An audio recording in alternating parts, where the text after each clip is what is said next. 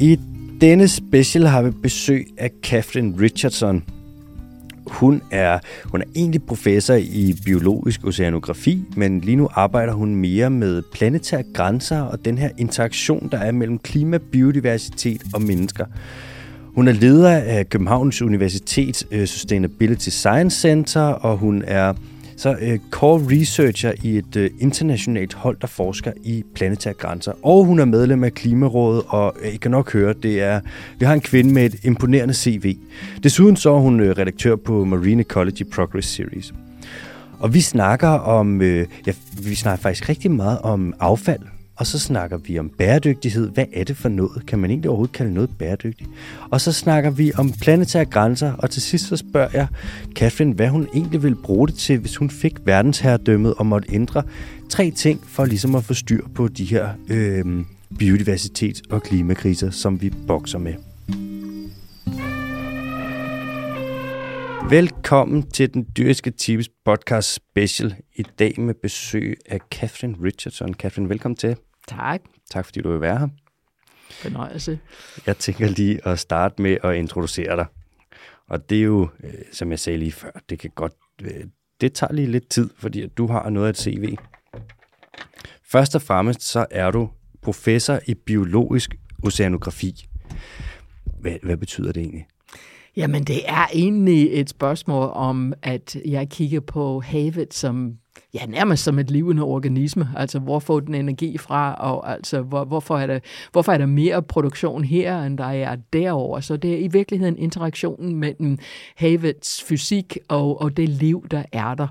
Så jeg er ikke marinbiolog i den forstand, at en marinbiolog kigger på en organisme og siger, hvorfor får den den energi fra, hvor, altså, hvor bruger den det til. Mm. Og, uh, men jeg kigger sådan på, på havet på den måde. Men jeg er altså nødt til at sige, Alex, at jeg fik mit Ph.D. inden for biologisk oceanografi, og der er nogen, der har klistret det etiket på mit professorat. Men egentlig de sidste 30 år, eller måske endda lidt mere, så har jeg arbejdet med en større international hold, som egentlig kigger på hele jorden som et system. Og, og det samme idé som min biologiske oceanografi. Jeg kom nemlig ind i en meget, meget spændende øhm, øh, gruppe i 90'erne. I mean, rigtig spændende. Der var en Nobelpris der, der havde beskrevet, hvordan mennesker ødelægger ozonhullet. Det var den første leder af, af IPCC. Det var virkelig en spændende gruppe. Og jeg kan minde, dengang interesserede jeg mig kun for, uh, hvor meget kulstof kommer ind i planterne, og hvor mange fisk kommer ud i den anden ende. Og da jeg kom sammen med dem, så gud, altså, det er bare en lille bid af den der store globale kulstofkredsløb. Så jeg begyndte at interessere mig for mere end havet, og men havet er så vigtigt at få kig. ikke regne med det, men mere end havet, men mere, vi fokuserer på, på, på jorden som et, et kompleks adaptivt system, og der er et helt nu domæne i videnskab, det hedder Earth System Science, som vi har forsøgt at, øh, at videreudvikle over de sidste 30 år. Men, men hver gang jeg træder op på en scene, så er der en stakkels moderator, der kæmper sig igennem biologiske oceanografi og siger stolt op på publikum. Men, men uh, jeg jeg tænker mere på mig selv som en Earth System Scientist nu. Om end jeg, jeg har stadig togter over et meget stort forskningsprojekt øh, i, i havet. Man ved, altså man har en karriere, Catherine, når man tager afstand fra sit professorat. det er sjovt. Min far, hvad han plejer at sige, mine forældre, de er kartoffelavlere. Og min far plejer at sige, ved du hvad, hvis du en dag tager en Ph.D., måske en postdoc, så kan du altid tage en overbygning som kartoffelavler. det er nok rigtigt. ja, må ikke. Så det er lidt som om, det er ligesom mig. Altså, når jeg, når jeg ikke er på ferie, så er jeg en højt lønnet professionel, men når jeg tager på ferie, så er jeg en udlønnet barnpige, kokke, rengøringsdame, indkøber osv. Du er en svejserkniv. Ja, lige præcis. Så okay, så det er lidt som om, du kigger simpelthen på det hele. Det er som om, du zoomer ud, og så kigger du næsten på jorden, som om du var astronaut. Jamen altså, stort set alle mine oplæg starter med et billede af, af jorden fra, fra, fra rummet, det vi fik i forbindelse med Apollo-missionerne i 60'erne og 70'erne, som alle har set, men ingen har rigtig tænkt over, hvad det egentlig fortæller os. Det giver vel også meget god mening at tænke biodiversitet og klima øh, lidt sammen, i stedet for at sige, jeg er bare biolog, eller jeg er geolog, eller jeg er fysiker, men måske tænke sådan, skal der lige, der er jo et overlap, ikke sandt? Det er helt pointen, det er helt pointen. Altså, vi er blevet så forduppet af klima nu, at vi tror, at klima er noget særligt, men ved du hvad, alle planeter har et klima. Det er kun et spørgsmål om jordens eller planetens energibalance, hvor meget varme energi får man fra solen, hvordan bevæger det sig rundt, hvor kommer det i kontakt med, det er energibalancen. Og alle planeter har har grundstoffer, der er til overs for The Big Bang. Og på de fleste planeter er det sådan, at de der grundstoffer ikke reagerer med hinanden ret gern. Altså de kan sidde ved siden af hinanden og kigger på hinanden, indtil der kommer en lundnedslag. Eller jeg siger ikke, at mm. det ikke sker, men det sker ikke ret tit. Det er helt, helt anderledes på, på, på landjorden, eller på jorden. Og hvorfor det? Fordi vi har liv. Det er livet, der gør vores planet unik. Kasper, vi blev lige øh, afbrudt af en øh, bilalarm ude på gaden. Men vi snakker om det med jorden, der er unik, klima, biodiversitet, og det med alle planeter har et klima, men på jorden, der har vi også liv, og vi ved ikke præcis, hvornår det startede, men det var et sted mellem 3,3 og 3,5 og 3,8 milliarder år siden. ja. Og så siden da, så har vi så haft nogle, øh, nogle grundstoffer, der ikke ligger og bare ikke vil interagere med måske. Jamen, det er fordi, vi ikke ved, hvad livet er, men vi ved godt, hvad den gør. Og det, det gør, er, at den omdanner og den transformerer de der grundstoffer, de der elementer og molekyler. Og hver gang det har været muligt at få nok fri energi ud af en sådan transformation, så er der en organisme eller en organismegruppe, der udvikler sig til at gøre det. Så for i 3,5 eller 3,8, et langt stykke tid, så har det været, at forhold på jorden har været bestemt af ting, der er sket mellem det interaktion mellem klima og biodiversitet. Og, og hver gang der er sket noget rigtig, rigtig stort, mm. altså inden for enten det ene eller det andet. For eksempel, man fandt på fotosyntese, og pludselig var der ild, der kom ud, og der var mange af de organismer, der var her, det var forgiftet af ild, der var masser af død, det var altså kæmpe forandringer på jorden og, og dens overordnede miljøforhold, fordi vi fandt, eller vi, fordi øh, øh, fotosyntese opstod. Ligeledes, da grønne planter opstod, og man pludselig havde en mulighed for at trække noget, noget reaktiv CO2 ud af, af atmosfæren og, og lære det, så den ikke kunne være en del af energisystemet. Boom, kæmpe ændringer i... Uh, eller der er en meteor ramt jorden for 63 øh, øh, millioner år siden og udgjorde det for, for, for dinosaurerne. Altså, det var også kæmpe forandringer altså, i, i øh, forhold på jorden. Så, så det er den interaktion mellem klima og biodiversitet, som, som egentlig bestemmer det overordnede miljøforhold, som vi fejlagtigt kalder for klima. Altså klima i virkeligheden er bare energibalancen. Mm. Og, og, og den ændring, den, de klimaforandringer, vi ser nu her, det skyldes, at der læres mere varmt tæt ved jordens overflade. Og langt, langt, langt det meste af det i havet i øvrigt, men det er en anden historie. Så det er den interaktion, der er vigtig. Det betyder også, at øh, biodiversitetskrisen må være mindst lige så vigtig som klimakrisen. Og det andet, jeg synes, der er rigtig, rigtig interessant, er, at jeg tror, man kan bruge klima og biodiversitet som proxyer for jordens ressourcer. Og vi mennesker, ligesom alle, alle andre levende væsener på planeten, bruger jordens ressourcer til at overleve. Og vi bruger dem, vi, vi, vi tager dem ud, og det er måske det, vi, der sker, når vi bruger biodiversitet, og vi tager noget øh, naturligt skovareal og gør det til at producere vores, vores mad, eller altså vi fælder træer til at bruge dem, eller vi fisker fisk ud af havet. Så, så det, det, det der biodiversitets, de ændringer i biosfæren er, er nok et udtryk for, hvordan vi har brugt jorden. Men det der med klima, det er affald det er, fordi vi har nogle, nogle affaldsprodukter, som vi putter tilbage i jorden, og klima er ikke vores eneste problem. Det var vores ozonlag var et affaldsproblem, vores næringssalgsproblem med, med, med havet er et affaldsproblem, PFAS er et affaldsproblem, plastik er et affaldsproblem. Og det, der slår mig, er, at altså, naturen i de der 3,5 til 3,8 milliarder år har udviklet en perfekt cirkulær økonomi, hvor der ingen affald er. Og den affald der er, er, er, er virkelig ved at give os problemer. Og det får mig til at tænke på som uddannet biolog. Men altså, nej, jeg tror faktisk, de fleste på et eller andet tidspunkt i, i deres skolegang har, har lavet et forsøg, hvor du putter en lille mikroorganisme ind i en flaske, og der er noget maden til det i flasken, mm. og man kigger på det, den vokser først meget langsomt, og så går den bare i eksponentiel vækst. Mm-hmm. Og så når den begynder at løbe tør for ressourcer, så begynder det at stabilisere sig, og til sidst går den til grund, fordi den bliver forgiftet af sine egne affaldsprodukter. Tænk nu på mennesker.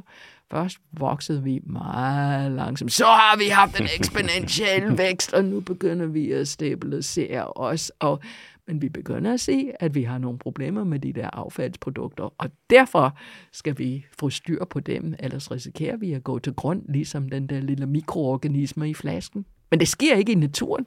Det sker ikke i naturen, fordi naturen har lavet den her cirkulære økonomi, som, som gør, at der ingen affald er. Den kan jo også, naturen kan jo godt finde ud af at rydde lidt op, men man, den kan ikke rydde så meget op, som vi sviner nu. Forskellen mellem os og alle andre organismer er, at de andre organismer er begrænset i, hvor meget de kan tage ud af jorden, eller af jordens ressourcer, fordi de kan ikke bruge ekstern energi. De er nødt til, det at begrænset af, for de kan ikke løbe hurtigere, end de kan selv. Mm. Altså, det kan vi, og derfor er der ikke nogen naturlig begrænsning på, hvor meget vi tager ud af, af det system, det økosystem, som vi er ikke kun en del af, men dybt afhængige af. Så, så vi bliver nødt til at, øhm, jeg tror, vi bliver nødt til at øh, begynde at respektere mere, at vi er ikke hævet over naturen. Vi er en del af naturen, ligesom alle andre, men vi har nogle særlige egenskaber, der gør, at vi er nødt til at uh, forvalte vores forhold til, til resten af verden på en anden måde end resten af naturen. Så det du siger er egentlig, at vi bor her på planeten, og så længe vi gør det, så er det nok en meget god idé, hvis vi passer lidt på vores hjem. Ja, det, det, altså, jeg tror, vi, vi glemmer, at vi er fuldstændig afhængige af, øh, af det overordnede miljø, som, som jorden har. Og der er rigtig mange mennesker, der ligesom, de kommer til mig omkring klima, de siger, nå ja, jorden har haft andre til klima. Det, det, det har, klima har ændret sig før i tiden. Jo, ja. det er fuldkommen rigtigt. Men forskellen er, at vores art har, vi har været her i ja, noget i retning af 200 til 250.000 år med præcis den samme biologiske opbygning, som vi har nu. Så der var absolut ingen biologiske grund til, at vi ikke kunne lave avanceret og moderne civilisation længe før vi gjorde. Men det er i, altså, hvad er det, 200, eller omkring 240.000 år, har vi bare løbet rundt efter vores mad. Vi har følt efter det, og det har været en, altså, alt det, vi forbinder med moderne civilisation, når vi taler nu altså sten eller bronze eller øh, jern eller altså Neolithic Revolution, altså øh, skriftlig sprog, alt vi forbinder med moderne civilisation, den er opstået i de, i de sidste 10-12.000 år. Og i den periode har jorden haft en særlig stabil periode i dens overordnede miljø. Altså temperaturen har faktisk kun ændret sig plus minus en halv grad. Plus minus en halv grad. Og vores politikere siger, okay, det er okay, vi kan gøre det op til 2 grader, og nu siger vi, uh, det bliver nok 2,9 eller 3 i stedet for. Men i hele den tid, at vores art har virkelig trives, det har været plus minus en halv grad. Og der er rigtig mange antropologer, der mener, at det var den stabilitet, det gav os mulighed for at lære at dyrke jorden og blive til det, vi er blevet. Er det det, man kalder de sidste 10-12.000 år? Er det det, man kalder holocenen? Det er præcis det, man kalder for holocenperiode. Og nu er der nogen, som har foreslået, ham der manden faktisk, som jeg sad i, i, øh, øh i, i det der uvalg sammen med i 90'erne, og jeg var med i Cuernavaca, Cuernavaca Mexico, der han altså foreslår, at, øh, at, at vores nuværende tidsalder burde kaldes for holocen, eller for antropocen, og mm. antros kommer fra græk, mennesker. græsk mennesker, lige præcis. Så menneskenes tid. Geologerne har ikke altså skrevet på ned, altså de har ikke skrevet med på ideen endnu. Altså, de arbejder på det, er nogle arbejdsgrupper, de kigger på det. Der. Men det er bedøvende ligegyldigt, om geologerne laver en officiel navnændring eller ej. Fordi antropocen er i virkeligheden bare den erkendelse af, at hvor det alene har været interaktion mellem biodiversitet og klima, der har bestemt det overordnede, øhm, eller internt det bestemte. Selvfølgelig betyder det noget, hvordan jordens øh, kredsløb er omkring solen og så videre, men de interne drivkraft, det har været den interaktion. Nu er der en tredje drivkraft, der, der kan ændre det overordnede miljøforhold på jorden, og det er selvfølgelig os. Det er antroposfære. Vi har biosfære, der er alle levende organismer. Vi har geosfære, som er energi og grundstofferne, og så har vi antroposfære. Og, og vi kan se, at, at, at indflydelse af antroposfære bliver større og større på planeten. Og det er egentlig der, at de der planetære grænser altså vokser ud af. At man siger, at, øh, at hvis nu, når vi erkender, at vi mennesker har muligheden for at, at ændre det overordnede miljøtilstand på jorden, og vi ved, vi ved med sikkerhed, at vores art kan trives under de forhold, som vi har haft de sidste 10-12.000 år. Vi ved ikke, om vores art kan trives under andre forhold. Det vil være tæskedumt af menneskehed at gøre noget bevidst, som vi ved kan ændre det overordnede miljøtilstand. Så det er sådan set det normativ i planetære grænser, hvor vi siger, hey, if it ain't broke, don't fix it. Ja, man kan sige, hvis vi har haft nogle betingelser de sidste 10-12.000 år, som har gjort, at den moderne civilisation har kunne blomstre op, og menneskeheden har kunne pike, så at sige, så er det måske lidt dumt at øh, ikke gøre, hvad man kan for at sikre, at vi bibeholder de betingelser, men i stedet for får nogle andre betingelser, som er langt værre. Catherine, vi, vi kommer tilbage til de planetære grænser lige om lidt, men øh, ja, det sker hver gang. Det er, ja, det er ikke din fejl. Det er mig som, øh, som vært, som jo skal holde styr på det. Øh, og vi er ikke engang nået halvvejs igennem introduktionen. Uh, gud, jeg holder mund. du er... Øh, og nu håber jeg, at det er rigtigt, det jeg siger. Du er uddannet biolog fra Harvard University. Tik. Ja, godt. Yes. Så er du leder af Københavns Universitets uh, Sustainability Science Center. Tik. Du er leder af et forskningscenter, der ligger på Island, som hedder ROX, som kigger på interaktionen mellem klima, biodiversitet og mennesker, og på det, vi lige har snakket om. Hvad er det, ROX det står for? Det er, øh, altså det er på engelsk, men egentlig er det forskning i havet, øh, klima og, og mennesker. Og det er faktisk et meget, meget stort projekt, som, som blev givet af Carlsberg i sin tid som en fødselsdagsgave til dronningen, da hun fyldte 80, og så vigtigt Finnbogsdottir, som var den første kvindelige præsident der i Island, da hun fyldte 90. Så det er, det er virkelig en stor ære at have mulighed for at øh, køre det projekt igennem. Og det går så godt. Gør det, det er så spændende. Det vi gør er, at vi, at vi, vi vil gerne se den interaktion mellem livet og klima, som jeg snakkede om. Mm. Men øh, det er svært at gå tilbage i tid. Vi kan lave nogle målinger i dag. Men, men så det vi gør er, at vi tager nogle kerner, nogle sedimentkerner, både ud af havet mm. og også ud af 52 søer på, på, på Island. Og lige så alle med, når man siger, man tager kerner, så er det, at man borer ned, ikke? Det er præcis på samme måde, som man og gør så... med is, hvor man ligesom går ned, at man, man lige borer ned, og så tager noget ud, og så kan man se på... Se på lagene. Ja, lige præcis. Man gør det også med flagmuslort. Ja, det gør man. Det ja. gør man. No, men, sorry. Yeah. men det vi, det vi gør ved det, og det, og det har jeg jo allieret mig selvfølgelig med, med Aske Villislev og kørt Kære og, og den gruppe, som er i samme institut, som jeg er på KU, mm-hmm. kigge på um, i DNA. Altså, vi går ind og prøver, altså, det er ikke engang proxyer. Vi går ind og spørger, hvad var der for nogle organismer, der var, der var her på det her, mm-hmm. på de her forskellige tidspunkter under forskellige klimaforhold, og hvordan så økosystemer ud, og det er bare sindssygt spændende. Det må være fedt, når man får lige så alle med her. Så borer man en kerne ud, så for, man kan forestille sig, at man tager et stort sugerør og stikker ned i bunden af et eller andet, og så trækker du op, og så kan du se på de lag, det der er inde i, så kan du se på lagene, hvor langt du er tilbage, og så kan man gå ind og skrabe et givet lag ud, ligesom en lavkage, og så kan du lave DNA-analyse på det, der er i det, og så kan du se, hvilke organismer har været til stede på det givende tidspunkt med det DNA, der er. Præcis, og det er, altså, det er en slags arkiv. Naturen Det- det er skriver, Ja. den skriver sin dagbog. Øh, Og fordi altså, de levende organismer, når de dør, når, når de ikke er levende organismer længere, så, så falder de ned til bunden af havet. Eller hvis du er på, i en sø, så kommer der regnvand, bringer altså blade og alt muligt inden for organismer, mm. altså, øh, altså, der er omkring søen. Og på den måde får, det, får du mulighed for at gå ind og prøve at se, hvad for noget natur var her. Og, og, og et sted som Island, hvor vi har rimelig godt styr på, hvornår mennesker kom ind, mm. så kan man faktisk også gå ind og se på deres indflydelse på naturen, og det er derfor, vi siger, at det er klima, biodiversitet og mennesker, som vi, som vi kigger på i, i, i den her, det her store program. Det er super spændende. Kan man så se, at når mennesker er kommet ind, at der så er nogle øh, organismer, der forsvinder?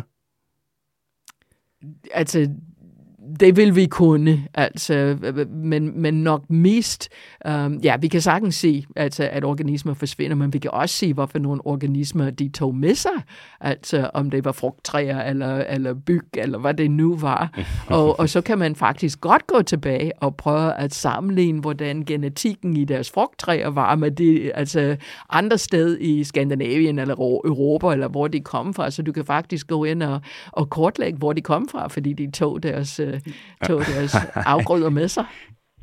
Det er, altså, det, det er fascinerende. Jamen. Hvis, hvis man var kommet for 100 år siden og fortalt, om 100 år, der gør vi det her, der alle havde troet mig var fuldstændig skør. Ja, det, det altså, ved du hvad, for, for 30 år siden ville man have, have syntes det. Mm. Og jeg har faktisk lige været center på en Ph.D. i, i, øh, i Stockholm, hvor de, de egentlig kiggede på de der iskerner, som man har brugt til at se på klima igennem tid.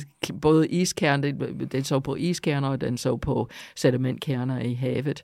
Og, um, og det er heller ikke så lang tid siden, at det, at det kom. Men det, det var lidt skræmmende, fordi altså, den her mand skrev om det, som om det var historie, der var fundet sted for længe, længe siden. Men jeg kendte de fleste af protagonister i historien, så okay. den var lidt ah, det er mit liv. Ja. Men argumentet var, at den mulighed for at, som bliver opfundet af en dansker egentlig, men altså den mulighed for at gå ind og bruge proxyer til at sige, hvad temperaturen var mm. i, altså igennem jordens historie, um, var det, der gav klima tid. Altså, en- at vi fik en tidsperspektiv omkring klima.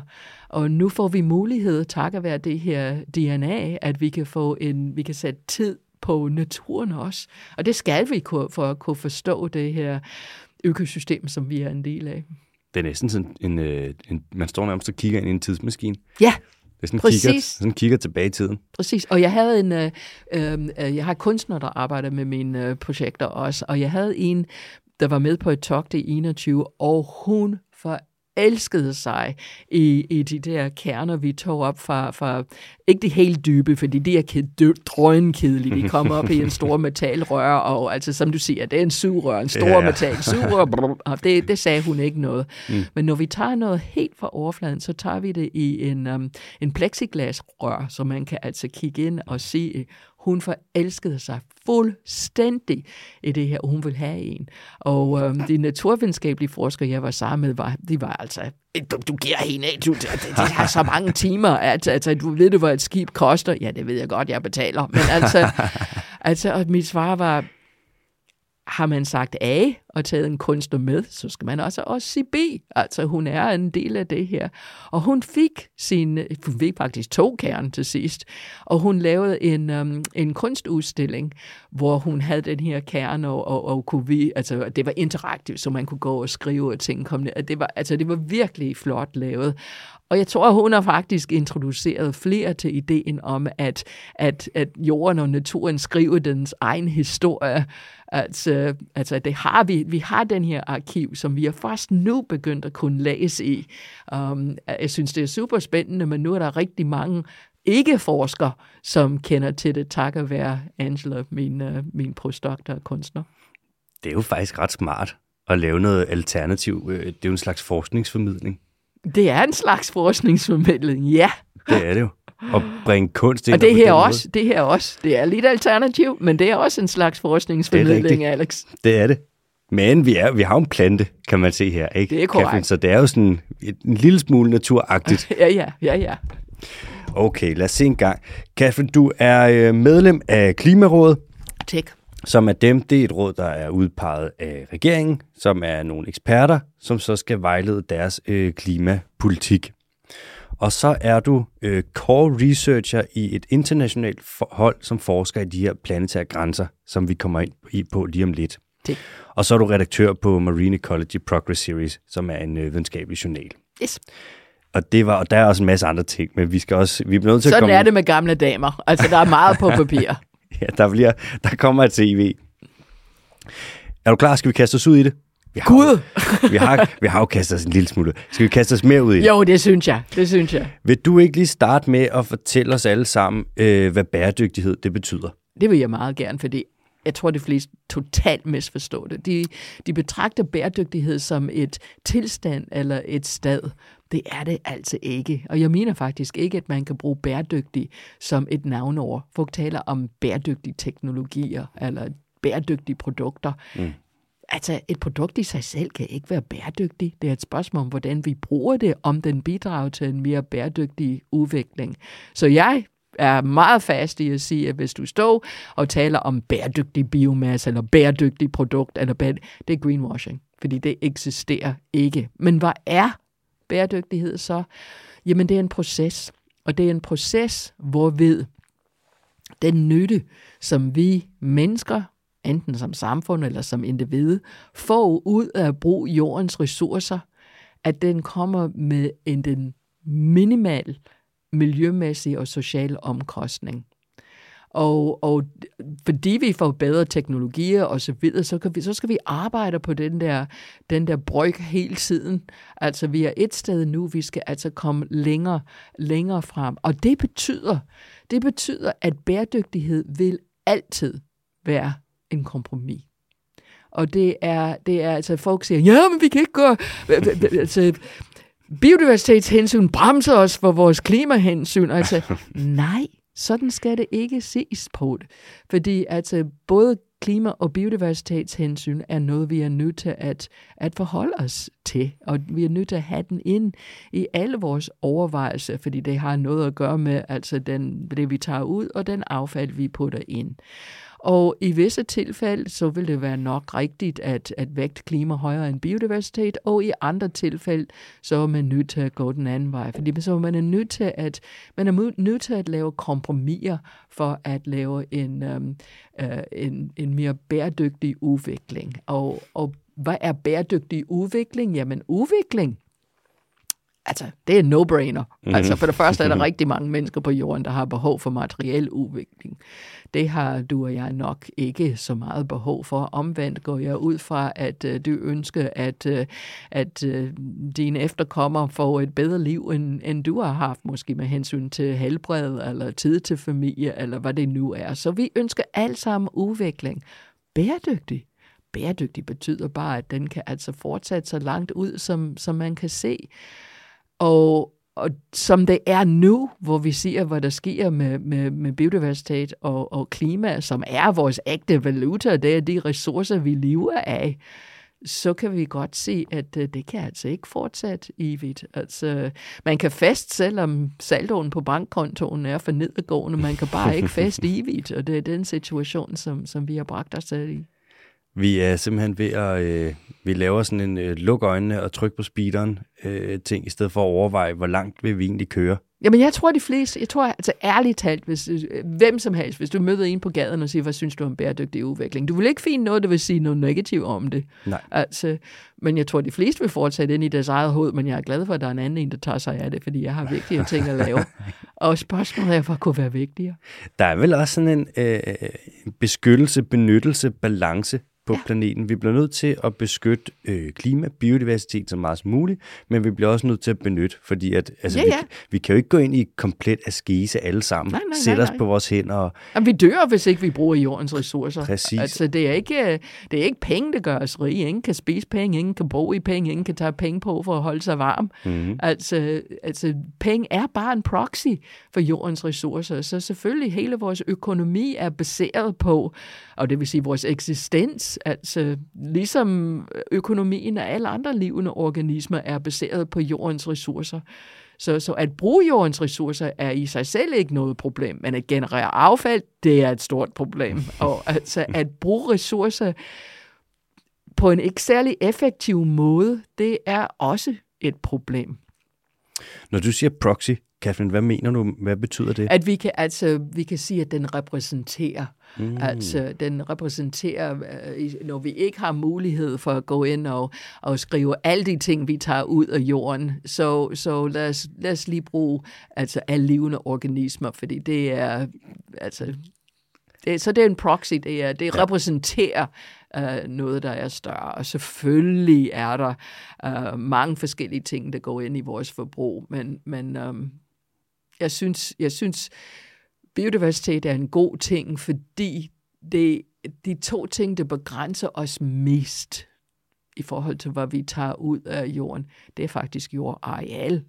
Der tager jeg hav i også, men altså jordens areal. Og så er det faktisk fotosyntetiske produkter. Fordi det er fotosyntese, det som planter laver, hvor de tager kulstof ud af luften ved hjælp af, af, af solens energi, og de gør det, den energi, der kommer fra solen, de gør det tilgængelig for alle andre levende organismer. Så det er sådan set en meget, meget væsentlig, øhm, øh, de to, de, altså den, den energi, som livet har til rådighed, og den plads, den har til at boldre sig i, det er de to ting, som, som egentlig er, er mest interessant, når vi, når, når vi påvirker det. Så det gør det, det gør det, jeg synes, det gør det meget håndterbart. Jamen, det gør det da også. Det giver også mening, at det er to, øh, hvad siger man, meget begrænsende og vigtige faktorer. Ja. Øhm, apropos det, så skal vi snakke om de planetære grænser, Catherine. Og der er ni stykker. Yes. Og det er jo noget, vi sådan hører tit og ofte, så kommer det, det kommer mere og mere op, har jeg bemærket, i medierne, også i populære medier, hvor man snakker om de her planetære grænser, også nu her i forbindelse med, hvornår var det, den kom ud? Var det i september? Det var i september, ja. I havde en videnskabelig artikel, som I har lavet med, blandt andet med dig som førsteforfatter, og så er det så det her, det er vel det her internationale hold, hvor I forsker i planetære grænser, som har sammenfattet den her øh, ja, artikel, hvor man kigger på, hvordan går det med de her planetære grænser. Og så kan vi se, at seks af dem er nu overskrevet. Vi er ude af det, som I kalder safe operating space. Og der er så tre tilbage, som stadig ikke er overskrevet, men det begynder at gå lidt i en ikke så heldig retning, kan man vel sige. Ah, men jeg tror faktisk, den ene er faktisk kommet, der er i den safe operating space, den er faktisk kommet tilbage fra ikke at være i den. Så den er sådan set en meget god nyhed, og det er den, der har med øh, ozonnedbrydelse. Den er og, god, ja. Ja, den er god. Så den tror jeg ikke, vi kommer til at overskride. Og faktisk tror jeg heller ikke, at vi kommer til at overskride den, der har med, øh, med de uh, partikler, vi putter ud i atmosfæren. Men det er, fordi vi har indset, at det er et stort sundhedsmæssigt problem for os, luftforurening, og derfor sætter vi, på, på vores egen skyld har vi sat os på den. Så, så den tror jeg heller ikke, vi kommer til at overskride. Så det er det gode nyheder. Fedt. Det er men, godt med øhm, gode nyheder. Ja, ja, ja, ja. Men, men altså, nu siger du, nu er de overskrevet. Og det var også overskriften af det, jeg sådan set måske lidt ked af, at det var overskriften, fordi det er ikke nyheden. Altså, igen, det, det bekymrer mig ikke så meget, at det er overskrevet, fordi at det med ozonnedbrydelse, eller ozonslags nedbrydelse, var enten på den forkerte tid, eller meget tæt på det i 90'erne, og nu er den kommet tilbage. Det, der skræmmer mig, og det skræmmer mig inderligt, er, at vi lavede en opdatering i 2015. Vores første paper kom i 2009, mm-hmm. så kom der et i 2015, og de fire, som vi fandt var overskrevet i 2015, de er yderligere overskrevet i dag. Og det betyder, at mens du og jeg sidder her og glover på hinanden over vores stakkels lille plant der, altså, så øges der trykket på alle de her planetære grænser. Og de grænser er valgt ud fra, at de enten er det, det klima og biodiversitet er to af dem, og det er, vi kalder dem for kernegrænser, fordi det er netop dem, som, som, som, som jeg sagde, er de interne drivkræfter i etablering af miljøforhold på jorden. Mm. Men så er der en masse ting, som vi påvirker Altså for eksempel vores affald med, med reaktive kvælstof og fosfor, vores affald med, med øhm, menneskeskabt kemikalier, altså vores affald med partikler i atmosfæren, altså, altså og, og de ting, vi tager ud, det er, det er øh, fældning af skov, altså land use change, fældning af skov. Um, det er øh, brug af ferskvand. Altså det er, så så vi, de, vi har en masse ting, som vi laver, som egentlig deres påvirkning på jorden kører enten gennem biodiversitet eller klima, eller begge del, kan man sige. Men for hver af de her enkeltvis, hvis du pressede dem hårdt nok, langt nok ud, så ved vi, at det vil ændre overordnet miljøforhold på jorden. Potentielt på en irreversibel måde, og næsten helt sikkert til, på en måde, der vil være mindre gunstig for, for vores samfunds udvikling. Mm-hmm. Så vi ved, at der må være, altså et eller andet sted skal vi stoppe det her. Mm. Og den, det, vi er ved at bevæge os ud af dem alle sammen. Så det skræmmer mig, at jeg kan se, at de har, at de har ændret sig for det værre, altså hvor, hvor, hvor, hvor vi har en øget tryk på, på dem nu, end vi havde i 2015.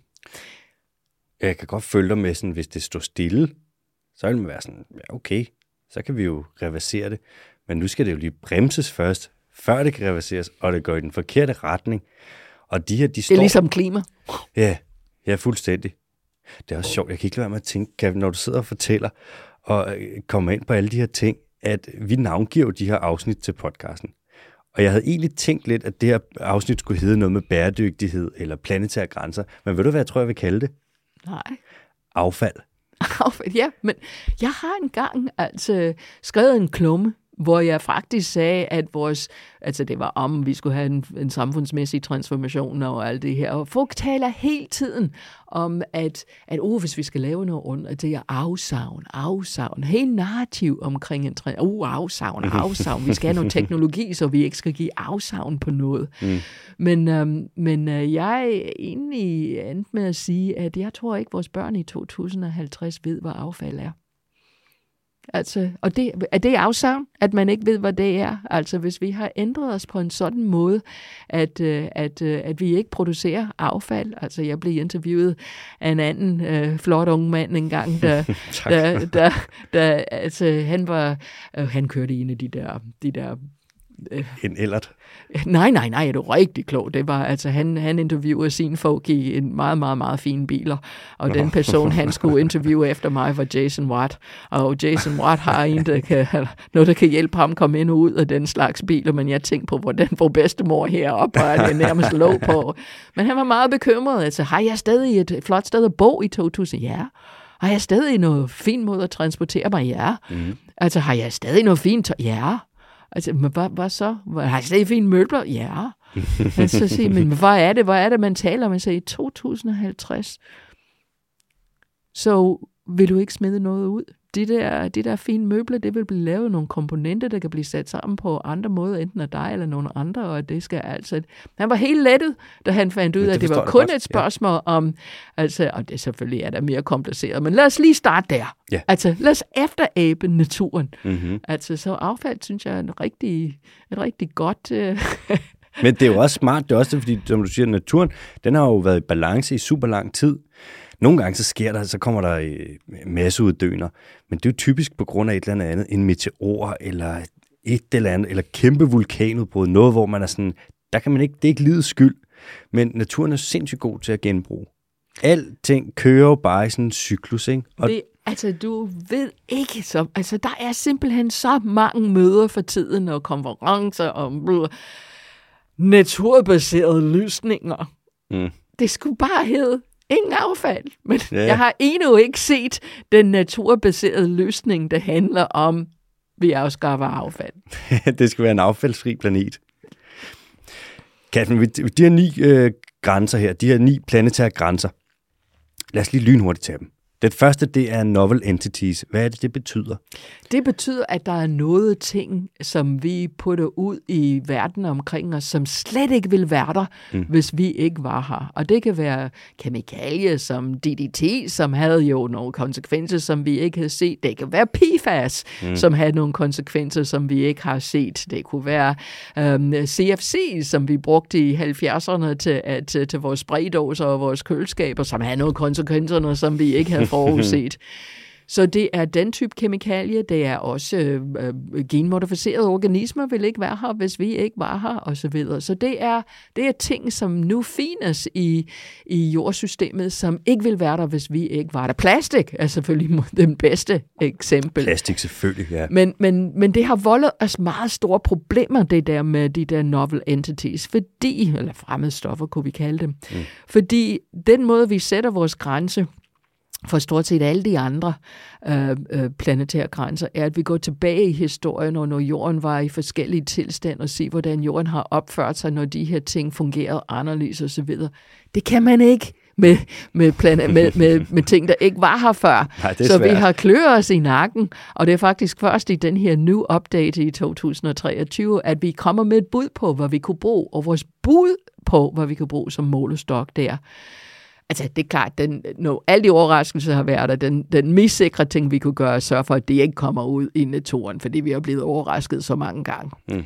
Men det er næppe realistisk. Mm-hmm. Så kunne man måske godt tage den næste skridt, okay, vi lukker dem ikke ud i det åbne miljø, medmindre de har været grundigt testet inden. Mm-hmm.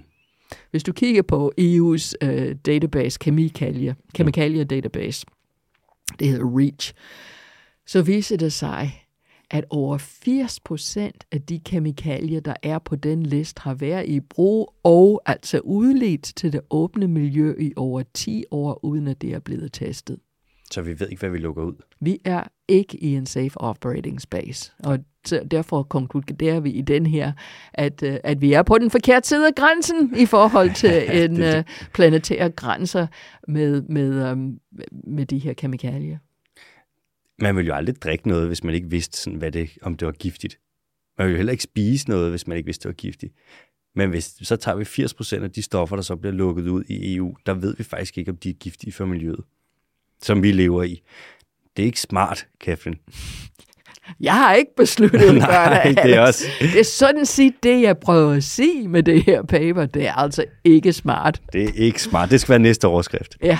Så er der den med ozon, hvor man kan sige, der var et problem med, at der kom for meget ozon op i atmosfæren. Nej, nej, nej, nej, det var ikke problemet. Problemet var, at vi udledte øh, øh, kemikalier, der var i 70'erne var centralt til vores, af, eller vores kyllingssystemer, også øh, spraydåser. Mm-hmm. Altså nogle kemikalier, der, øh, der er baseret på klor. Og da det, de var testet faktisk, men kun ned på jorden under det tryk, der er her, og den temperatur, der er her. Og så i forbindelse med noget helt, helt andet forskning, som egentlig er jeg bange for gik ud på, at uh, kan vi bruge rummet som i krigsførs, øh, mm, yeah. krigsførs øje med så fandt man ud af helt tilfældigt, at de her kemikalier, da de nåede op, helt op i stratosfæren, så ødelagde de ozonhullet, eller ozonlaget. Og ozonlaget er vigtigt for os, fordi den filtrerer ud solens farlige UV-stråler. Ah. Og det kommer faktisk, at vi har et ozonlag, det kommer faktisk, fordi der er liv, fordi der kom ilt i atmosfæren, fordi ozon er altså tre iltmolekyler i stedet for to. Dem vi, det er O3, ja. ja. Lige præcis. Og, og det gør, at, øhm, at der er et ozonlag, gør, at, eller gjorde, at, øh, at livet kunne flytte ud af havet, fordi vandet filtrerer også de der farlige stråler, kunne flytte ud af havet og op til landjorden. Mm. Så vi er sådan set ret afhængige af det der ozonlag, og at nedbryde det er endnu et rigtig dårlig idé. Så det er ikke smart? Det er ikke smart, okay. nej. Så det var de kemikalier, og vi var så heldige, dels at det blev opdaget, men dels at kemikerne havde brugt klor, i de der kemikalier, i stedet for brom. Fordi hvis du havde brugt brom, det ville fungere på samme måde i køleskab og spraydås, mm. men det ville have været langt mere nedbrydende for ozonlag. Så vi altså har virkelig, virkelig været heldige Så det var, det var tæt på med andre ord. Øh, meget tæt på. Det er heller ikke smart. Det er ikke, det, husk det, hvis man skal lave, lade være med at bruge brom. Som udgangspunkt. Så er der den, der hedder atmospheric aerosol loading. Ja, det er bare partikler når vi brænder kul eller andet, altså, så kommer der nogle partikler ud. Det er præcis den samme, vi sidder og diskuterer i uh, smog, altså, og det vi diskuterer i, hvorfor vi ikke vil have dieselbiler midt, midt i, i del af København nu, fordi vi vil simpelthen ikke have den luftforurening. Og du kan se, jamen er det virkelig et globalt problem? Det er det faktisk, mm-hmm. fordi det viser sig, at, at hvis, den, hvis du får mere smog, altså flere partikler, grums, mere grumset luft mm. nord for ekvatoren, end, altså du ændrede det mere nord for end syd for. Mm. Den ændrer på øhm, øh, vinden og luftcirkulationen, og egentlig påvirker monsunerne. Så du kan ende med at påvirke altså regn over, over Indien, altså for eksempel, eller med, med de her partikler. Så det er derfor, de, er, de kommer med i det her. Men som sagt, jeg tror ikke, at vi kommer til at overskride det, fordi vi er så opmærksom på smog og dens betydning for menneskelig helbred. Men vi tænker ikke så meget over, at det har også en rolle at spille i forhold til, til, til planetens overordnede miljøtilstand. Fordi det store problem med, med den meteor, der ramte jorden i, for 63 millioner år siden, det var, altså, at der kom så mange partikler, at du, luften blev så grumset, at du ikke kunne få uh, lys ned til jorden, ja, og, og, og så videre, så videre. Det helt døde, ja. ja. Det er meget godt, man finder ud af de her ting, før det går for galt. Også man kan sige, det med ozonen... Det er til gengæld meget smart. Det er nemlig rigtig smart. Man kan sige med ozonen, det med at, okay, så spraydåser og køleskab, og linke det til, at ozonlaget begynder at gå i stykker. Altså shit, tænk hvis man gav nogen den opgave, sådan, finde ud af, hvorfor ozonlaget går i stykker, og de skulle finde frem til det. Det er virkelig sådan, det er en masse tilfældigheder, og man skal være meget heldig, og nogle gange kan det jo heldigvis gå godt. Jamen hele vores samfund og forskning og den måde, vi har indrettet vores offentlige forvaltning osv., det har altid været i små kasser, hvor vi altså kigger på enkelte genstande eller en del af problemet, og vi giver ikke noget for interaktioner. Og vi har ikke studeret interaktioner særlig meget. Altså for 10 år siden, ingen ville have troet, at din tarmflora var vigtig for andet end din fordøjelse. Mm. Men altså nu ved vi, at det er vigtigt for din, uh, for din uh, immunforsvar og din psykiske tilstand. Ja, og den helbred. Ja, lige ja. præcis. Lige præcis. Så har vi den med ocean acidification, altså forsuring af havet. Den er meget enkel, fordi det er bare i virkeligheden klima. Det er, men, men det er ikke bare klima, fordi det er faktisk CO2. Det er decideret CO2 i atmosfæren. Mm.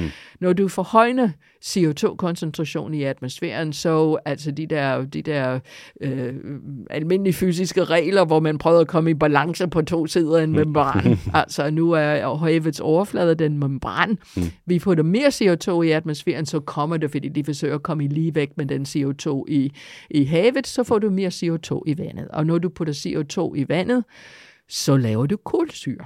Og, og det gør, at havet bliver mere surt. Og, og, og det er præcis den samme proces, der gør, at, at, øh, at, at nogen tager til tandlægen og får at vide, at de har syreskader på tænderne. Mm. Det er, fordi man drikker for meget læske, læskedrik der mm-hmm. med kulsyre. Det er ikke så, kun sukker, der er dårligt for, din, uh, for dit, uh, dine tænder. Det er, det er vand med kulsyre. ja, værsgo. siger hun, mens hun kigger ned i sit dansk vand. ja, værsgo. Det er bare vand, der gør ondt.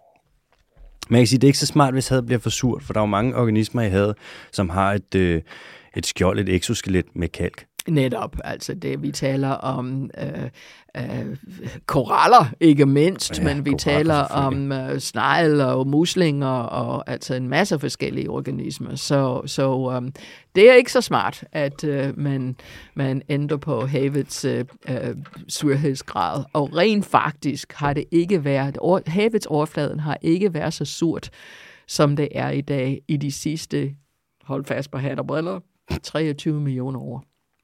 Hold da op. Vi er ved at lave had til dansk vand. ja. Shit. Ak, man kan stadig svømme i det uden problemer. Det er stadig har en højere pH end din, uh, eller uh, søhedsgrad end din shampoo, men alligevel, altså, der er nogle organismer, som har det rigtig, rigtig svært ved det.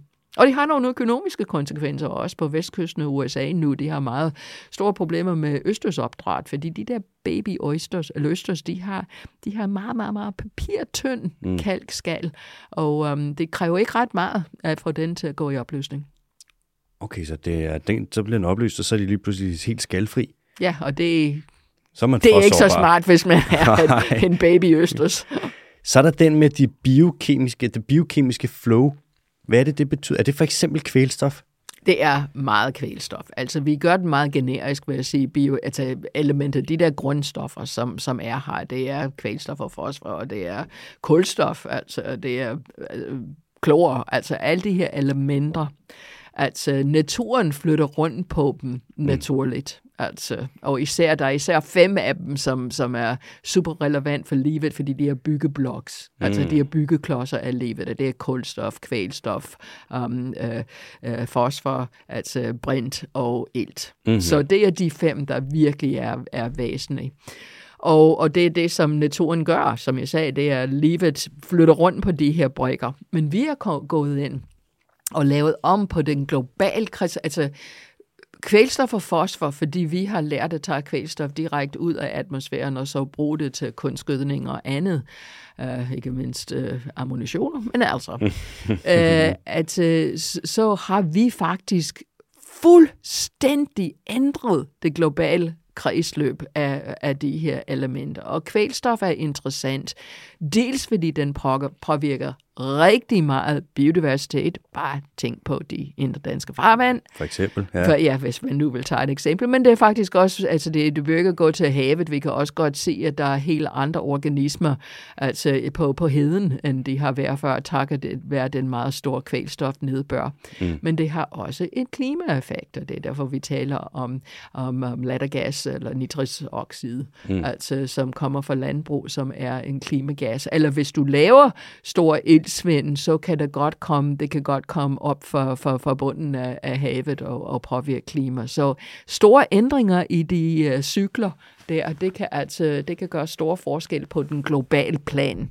Og, og hvis man kigger på, på vores planetære, det der æderkopdiagram, vi har i planetære grænser, er der mange, der er overrasket, når de siger, at kvælstof og fosfor, det der med, med, med og vi, vi, vi holder den generiske titel, fordi måske er det ikke kun kvælstof og fosfor. Der er måske grund til at tro, at vi skal tage kisel med mm. i en anden altså, omgang. Fordi jeg skulle lige sige, at den her planetære grænser, det er, altså hvis den skal være brugbart som en, en planlægnings- eller en, en framework eller en ramme for, for vores forvaltning og vores forhold til, til det globale miljø, så skal den altså udvikle sig som vores forståelse for, for hvad vi laver, og hvordan jordsystemet fungerer. Altså, så, så den, den, og vi er på tredje rund her, og det er nogle forskellige forfatter hver gang. Altså, det er ikke sådan, vi er tre, der, der går, eller fire, der går igennem på dem alle sammen, men ellers, øh, ellers kommer der nu folk ind, og folk går ud af den gruppe. Så altså, måske bliver vi nødt til at tage andre elementer ind. Men folk er ret overrasket, når de kigger på æderkopdiagram og kan sige, at kvælstof og fosfor er endnu længere overskrevet end klima. Jamen, klima er vores store problem, ikke? Men hvis du ser procentmæssigt på det, vores påvirkning af den globale kulstofcyklus, der har givet os vores klimaproblem, er peanuts i forhold til den, den massiv ændring, vi har lavet på kvælstof- og fosforbalancen. Og det er så primært, øh, det her kvælstof, det er noget, man fixerer. Det er jo så primært som øh, gødning, ikke sandt? I Danmark, ja, men altså, det kommer jo også ud af os i vores affaldsprodukter, så der er altså rigtig mange steder på jorden, hvor kvælstof er et meget stort problem for, for menneskelig afføring, hvor, man, hvor du ikke har vandrensningsanlæg og så videre. Mm. Og, og det kommer også for vores biler, noxer, når de kommer ud af vores biler og transport. Så det er ikke kun øh, landbrug, men i et land som Danmark, så er landbrug den, den overvejende øh, altså ændring i, i kvælstofcyklus. Og ser du også ammunition? Ja, ja, altså, altså øh, øh, dynamit, altså den, den bruges også øh, kvælstof. Det er sådan et, det, er, nå, det kan man bruge til mange ting. ja, det kan man da, det kan man da. Så er der den med... Jeg tror faktisk, hvis du kigger på nettet, kan du finde en opskrift for, hvordan du kan bruge, du kan lave øh, bomber ud af øh, gødning. Så skal man altså huske at gå i incognito browser, hvis man laver sådan en søgning der. Det er jeg for gammel til. så er der freshwater change, altså hvordan vi bruger ferskvandet. Der kan man sige, at det er jo rimelig svært at klare sig uden ferskvand, ikke sandt? Altså, det er fuldkommen rigtigt. Det er ja. meget svært. Det kan vi ikke. Når vi dør. Ja, ja, men det er ikke det, vi siger, mm. at vi ikke skal gøre det. Men, men der er to steder, hvor det er rigtig interessant. Mm. Den ene er det vand, vi tager ud af aquifers, altså eller vand, altså det er grundvand og, mm. og floder og søer og den type ting. Og, og vi siger altså store områder nu, hvor, hvor, hvor, hvor øh, grund, grundvand, ja, ja. grundvand er altså ved at forsvinde, og det har meget stor betydning for mennesker også, så det er ikke sådan, at vi kan bare blive ved med at tage og tage og tage, selvom vi har behov for det. Mm. Det andet sted, hvor vores brug af, af vand er interessant, er, hvor den ændrer vand tilgængelighed i jorden og, øhm, og, og vi dræner for eksempel området med, med, med meget vand. Og det har stor biodiversitetsbetydning, og det har faktisk også stor klimabetydning. Det er derfor, vi kigger øh, på lavbrundsjord i Danmark og gerne vil tage den ud af, af, af landbrugshænder, fordi altså, når du har et område, der har meget vand i det eller over det, så falder de der blade og alt det der ned på bunden, og ret hurtigt kommer de i et lag, hvor der ingen ilt er. Og hvis der ikke er ilt, så kan bakterier ikke nedbryde det. Så det kulstof bliver altså gemt i jorden. Og når du tager vandet væk, og der kommer luft til, så kan bakterier være der, og så kommer de her bakterier i gang, og de danner masser af CO2, og så kommer der CO2 ud af den jord. Så, så det er også ret interessant. Så igen, ikke et spørgsmål om ikke at bruge vand, men altså 70 procent af det ferskvand, vi bruger, det bruger vi til vores øh, landbrug. Og der er måske visse områder, altså ikke i Danmark, men globalt, mm. altså der er måske visse områder, hvor, hvor man skulle altså overveje ikke at øh, have så meget landbrug, hvis mennesker har behov for, for vand og så videre. Altså, men vand er... Øh, vand er et problem, der kan løses, fordi vi kan godt tage salt ud af, af, af, af, af havet. Men, og det her bekymrer mig meget, mm. det tror jeg vil øge global ulighed, fordi der er ikke alle, der har mulighed og penge og ressourcer til at tage salt ud af, af, af havvand. Så, så vi har, der, altså det er et system, der hænger sammen. Man er nødt til at tænke på alle, alle interaktioner i det her system. Så det er jo biologi, og det er klima, det er fysik, det er geologi, og så er det også det socioøkonomiske og øh, mennesker, man har med at gøre. Det bliver lige og det pludselig... er ren etik. Og etik, ja, det bliver en ekstremt kompleks omgang lige pludselig. Ja.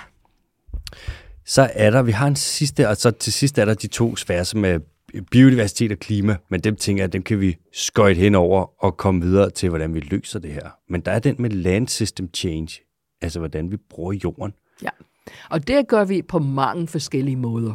Mm. Men den metric, eller den målemetode, vi bruger her med planetære grænser, det har med, hvor meget skovdæk er der. Mm. Og det er fordi i global, altså det er det vigtigste for, for det globale tilstand, altså det overordnede globale miljø, det er hvor meget kulstof vi kan altså gemme i de der træer. Så det er det, der er det vigtigste globalt set. Jeg er med på, at vi ændrer jorden på mange forskellige måder, men det er skovdæk, vi kigger på. Mm-hmm. Og det er procentdel af skovdæk, som vi har i, i uh, uh, de meget nordlige områder, altså i tempererede områder og i tropiske områder, som vi opdeler det i. Mm. Og vi lavede faktisk en super, super interessant øh, øh, analyse i forbindelse med den her paper, hvor vi gik ind og sagde, okay, nu laver vi tre forskellige niveauer af CO2 i atmosfæren, og se på forskellige grader af skovdæk. Det viser sig, det bliver stort set det bliver meget svært, og jeg vil næsten lægge hånden på hjertet og sige umuligt mm. At opfylde vores, øh, vores klimamål medmindre vi også respekterer en grænse for, hvor meget skov vi kan fælde. Og som det er i dag, så er vi stadig ved, at fældskov i alle det geografiske område i verden på nær en. Har du et bud på, hvor det kunne være? Det skulle vel ikke være Europa, vel? Nej, det skulle det ikke. Det er Kina. Det er Kina. Det er Kina. Der skov, det ikke bliver øget. Ja. Mm. Men alle os andre, det er ved at gå ned. Og det er til trods for, at vi taler om, at vi bruger kun bæredygtig biodiversitet her. Men der er en meget enkelt, øh, der er en meget enkelt øh, økonomiske regel. Nu er jeg altså ikke økonom, men jeg har altså, jeg var også formand for Klimakommissionen, og jeg kan hilse sige, at jeg har haft min omgang med, med økonomer, så jeg har, og, og begge mine børn er økonomer, så jeg har været nødt til at ændre mit, med, ja, jeg har været nødt til at ændre min holdning til økonomer.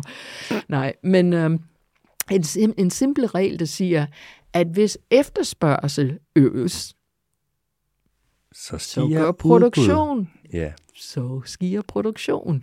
Så selvom du kan godt sige med hånden på hjertet, den biomasse, jeg bruger, har ikke kommet fra en nyfældet skov. Så var der en anden derud, som også vil bruge biomasse, som ikke kunne få fat i noget, der, altså fra, der ikke kom fra, fra, fra jomfru skov, og derfor har vedkommen brugt ikke bæredygtig biomasse, og så ender vi i en, en ond cirkel. Mm-hmm. Så vi bliver nødt til, og det er derfor, jeg siger, at vi bliver simpelthen nødt til at holde op med at forvalte klima i et hjørne, biodiversitet i et andet hjørne og forurening i det tredje. Vi har en klimalov, en klimalov i Danmark, hvor, hvor det står, at formålet med loven er at reducere vores udledning af drivhusgasser, og så er det ni guidende principper i det første afsnit. Mm. Jeg kan ikke huske dem alt sammen, men de kom fra samme skuffe, og, og det, er, det er dem, jeg kan huske, så vil du vide, hvad jeg taler om. Det skal være så billigt som muligt. Det skal altså ikke koste dansk jobs. Det skal ikke være konkurrenceforvridende for danske virksomheder. Det skal ikke gøre, at vi ikke har sådan offentlige finanser. Det skal ikke vende den tunge ende nedad, og så videre. Det må basically ikke have nogen konsekvenser at passe på klimaet. Lige præcis. Ja. Lige præcis. Intet sted i den lov nævnes det, øh, at vi, altså naturen. Men over halvdelen af vores såkaldt grøn energi kommer fra at bruge biomasse. Altså, det, det er fuldkommen forkert, og nu Gud hjælp mig, de taler om, at vi skal også have en biodiversitetslov. Nej, jeg synes, det er en rigtig, rigtig dårlig idé. Jeg synes, vi bliver nødt til at integrere klimahensyn og biodiversitetshensyn i alle vores lovgivning, i stedet for at tro, at vi kan klare det i et hjørne, mens vi har erhvervsministeriet i et andet hjørne. Der er også den der med sådan, jeg kan ikke lade være med at tænke, Catherine, at det må ikke være byrdefuldt for noget som helst at passe på klimaet. Og nu, det må ikke være byrdefuldt for landbrug og fiskeri at passe på naturen, men man hører aldrig, at, det, at de andre sfære ikke må være byrdefulde for klimaet og for biodiversitet og natur, selvom at vi kan jo ikke klare os uden sund klima, og uden at biodiversiteten ligesom har det okay. Så det er sådan lidt fjollet, ikke? Vi, Jamen det er helt problemet, at vi, at, øh, jeg, jeg, jeg, bare, jeg nødner at sige, at, at, øh, at folk går rundt med en forkert opfattelse af de mindre udviklede øh, samfund. De siger, at uh, de levede i harmoni med naturen. Nej, det gjorde de ikke. Altså, de brugte naturen for alt det, de havde behov for, og de lå deres affaldsprodukter falde lige præcis der, hvor de, altså, hvor de, hvor, hvor de blev produceret. Men så var de så tæt på de de konsekvenser, de kunne godt se konsekvenserne, så de var nødt til at forholde sig til konsekvenserne, og de var nødt til at lave nogle regler, mm. og sige, at, øh, at øh, vi må ikke, øh, vi må ikke defekere der, det skal være et andet sted, så det ikke kommer i vores drikkevand, osv. osv. Mm. Og vores problem i en globaliseret økonomi er, at vi glemt altså, at, øh, at tage de konsekvenser med, så vi ser ikke det fattige barn i Bangladesh, der laver vores billige tøj. Vi ser ikke det biodiversitet, der bliver fortrængt i Sydøstasien eller Sydamerika, når vi skal have soja eller, eller palmeolie. Mm. Og på en eller anden måde, vi kalder dem i vores økonomiske modeller, kalder dem for øh, eksternaliteter, men på en eller anden måde er vi nødt til at bringe de eksternaliteter ind i der, hvor ting sker, så vi laver de rigtige kompromiser ind. Jeg synes faktisk, at den der havplan, hvordan vi skal bruge vores havareal, er en rigtig, rigtig god eksempel af en eller anden fuldstændig for mig uforståelig grund, så bliver den plan udviklet i Erhvervsministeriet. Mm. Så siger det sig selv, at det første, man tænker på, det er erhverv. Og det allerførste udkast til den plan, det blev forkastet, fordi det står, okay, først skal vi have den erhverv, der skal bruge det, og så det, og det, og det, og det, og så kommer man helt ned til slut og sagde, nå ja, hvis der er noget til over, så kan naturen måske få det. Og det, yeah. sådan skal vi da ikke gøre det. Vi er nødt til at starte, vente helt på hovedet, mm. og sige, at naturen skal have noget plads. Og det siger vi nu i, i både i FN-konventioner, men altså også i, i EU's biodiversitet biodiversitetsstrategi, som de, som, de for, som de forhandler i øjeblikket. Altså, hvor man siger, jamen, 30 procent, hvor en tredjedel af det, det vil sige 10 procent i alt, mm. er strengt beskyttet. Det går i panik. Altså hvis du kigger på alle de planer, vi har for det danske havvand med, med havareal, med vindmøller og altså fiskeri og dit og datten og dutten og shipping og altså, der er ikke noget plads til naturen. Nej. Og nu apropos havplanen, som vi også snakkede om, før vi tændte mikrofonen, at man vil kun forbyde bundtrål, der hvor der ikke bundtråles alligevel. Ja. Altså, hvad tror man, altså, hvis man vil tage hensyn til had, så tager der hensyn. Det Jamen ikke... altså, det er, det er faktisk en meget interessant diskussion, som jeg også har haft med grønne organisationer. Fordi de var ude på, at man skulle altså beskytte de områder, som, hvor man fiskede mest. Jeg sagde, gud, altså hvis jeg skal da lave, hvis jeg skal lave naturbeskyttelse i, på landjorden, så vil jeg altså ikke starte i en parkeringsplads. Mm-hmm. Så altså det start, startpunkt må være at se på, hvor er de gode biodiversitetssteder? Det skulle ikke være bare der, hvor man ikke fisker, men hvor har vi altså den mest intakt natur, og hvor har vi forskellige typer natur, for vi vil gerne bevare dem alle sammen, Præcis. og så tage udgangspunkt i dem. Men, men at bare vælge det område, som, hvor der ikke fiskes, måske er der god altså, øh, biodiversitet der, men vi ved det ikke. Nej, og det er også det, man vil bremse en aktivitet, der ikke finder sted. Lidt ligesom hvis vi aftalte nu, Kathleen, at vi vil stoppe med at fælde træer på Storebæltsbroen.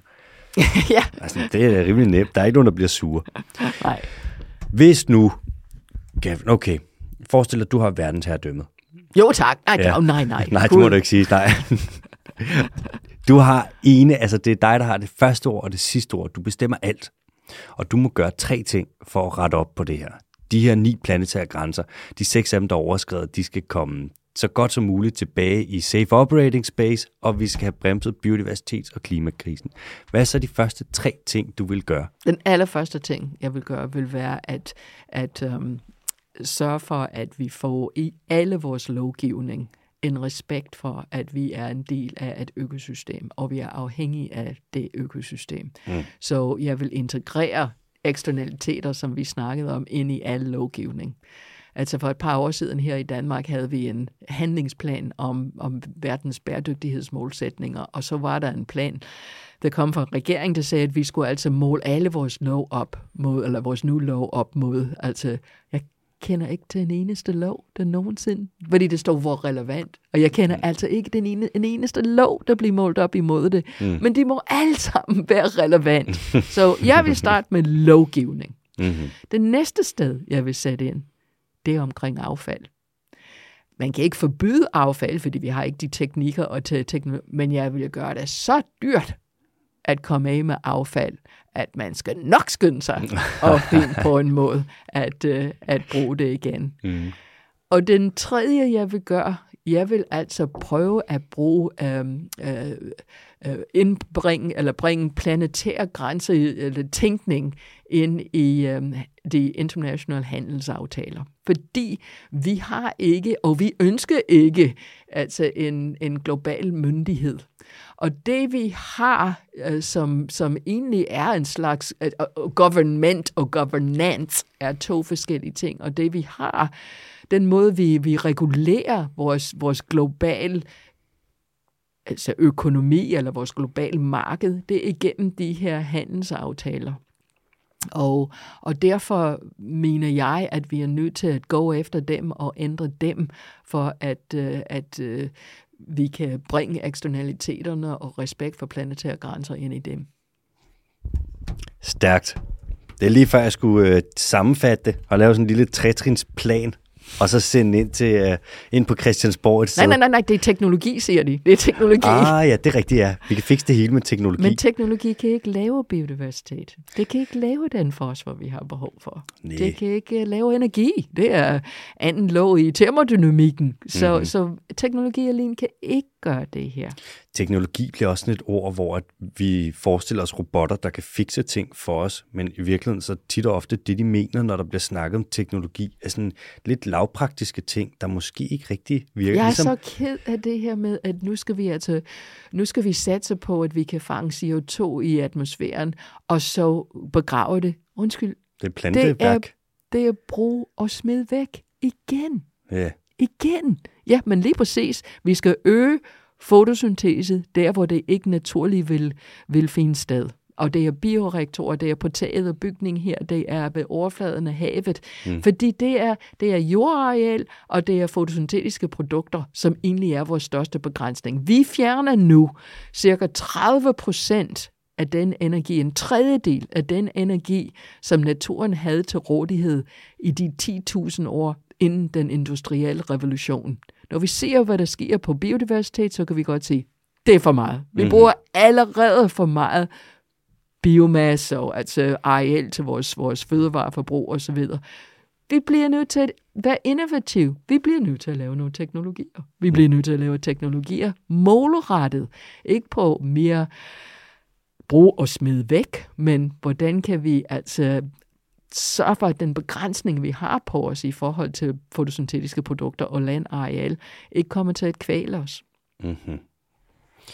Catherine, jeg har, nu har jeg to spørgsmål tilbage. Vi nærmer os, vi nærmer os ind. Øhm, og det første, det er, nu hvor der er så meget fokus på had herhjemme, det er der jo, vi har jo set det med igen med selvfølgelig kvælstof, alt det, og vi kan se, hvordan hadet det dør, og så videre, og så videre. Vi skal begge to ud til arrangementer i dag og snakke om hadet. Og hvad tænker du, at der skal til, hvis vi skal have styr på hadet, lad os bare sige Danmark, sådan så at hadet kommer i det, man vil kalde god økologisk tilstand. Kasper, hvordan, hvordan gør vi det? Ja, men du har, du har lige røbet, at vi begge to skal ud og tale om det her i dag. Jeg må indrømme, at der, hvor jeg skal tale, så kommer jeg med seks bud. Det er lige netop, hvordan, hvordan får vi den Danmarks havareal i god økologiske øh, tilstand, som jeg skal adressere. Og jeg kommer med, med seks bud.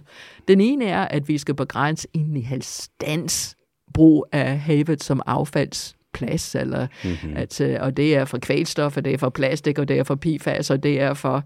Altså det andet er, at vi er nødt til at stands klimaforandringer. Danskere fejagtigt tror, at det helt store nyhed omkring havet, i, eller danske havvand i 2023 har med kvælstof at gøre. Det er ikke en nyhed, den har været der i 40 år.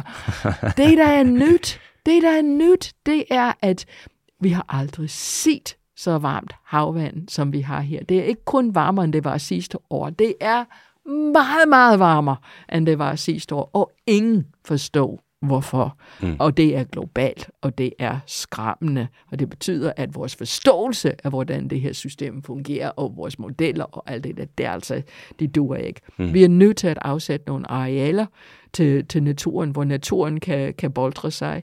Vi er nødt til at arbejde bedre med vores naboer. Altså nu vil alle sætte øh, vindmøller op og og de kigger alle sammen på den effekt, den vindmølle har på de der, den kilometer omkring vindmøllen. Men hvis alle de vindmøller, som alle de forskellige land har altså planlagt derude, det kommer til at ændre nedbørsmønster på, på, på Danmark, det kommer til at ændre strømmønster. Altså, men der er ingen krav på, at vi kigger på det kumulativt. Vi bliver nødt til at arbejde bedre med vores, vores, naboer, nej, vores naboer. Mm. Og så skulle vi altså lovgive ud fra, fra, fra systemhensyn. Vi skal ikke lave et, øh, et, et havlov lov, eller en biodiversitetslov. Vi skal indbygge altså, øh, øh, havet og um, havets interesser øh, og naturens interesser i al vores lovgivning. Lov, lov, lovgivning.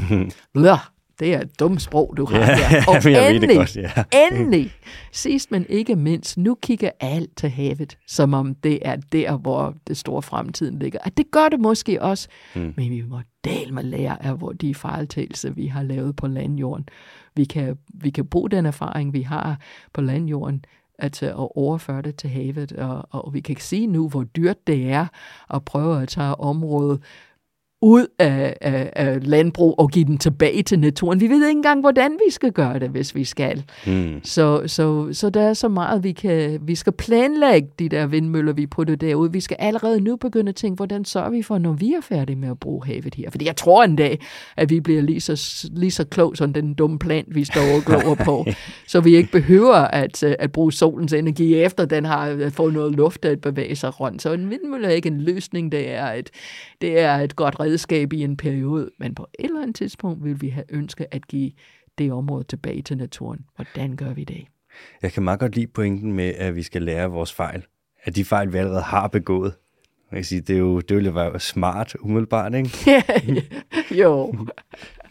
Jeg har det sidste spørgsmål. Og det er, Katrin, du er jo sådan, man kan sige, du har fingeren ret meget placeret på den her øh, bæredygtighedsplanetære grænsepuls, og du sidder med alle de her råd, og du sidder i de her internationale forskergrupper, og du har ligesom det her store forkrummet overblik over planeten, og du har arbejdet med det her i nogle år nu. Og hvor ser du, at det her det bevæger sig hen med de her kriser? Hvor hvis du skulle øh, kigge ind i spåkuglen og komme med en fremtidsprognose, hvad vil du så sige i, lad os sige, 2030, 2050? Hvordan ser det egentlig ud? Det lyder mærkeligt, uh, Alex, men jeg er faktisk ret optimistisk. Jeg tror, at i 2030 ser det meget værre ud, end det gør i dag. Men jeg tror, mm. i 2050, at vi, at vi er, at, at, at det går i den rigtige retning.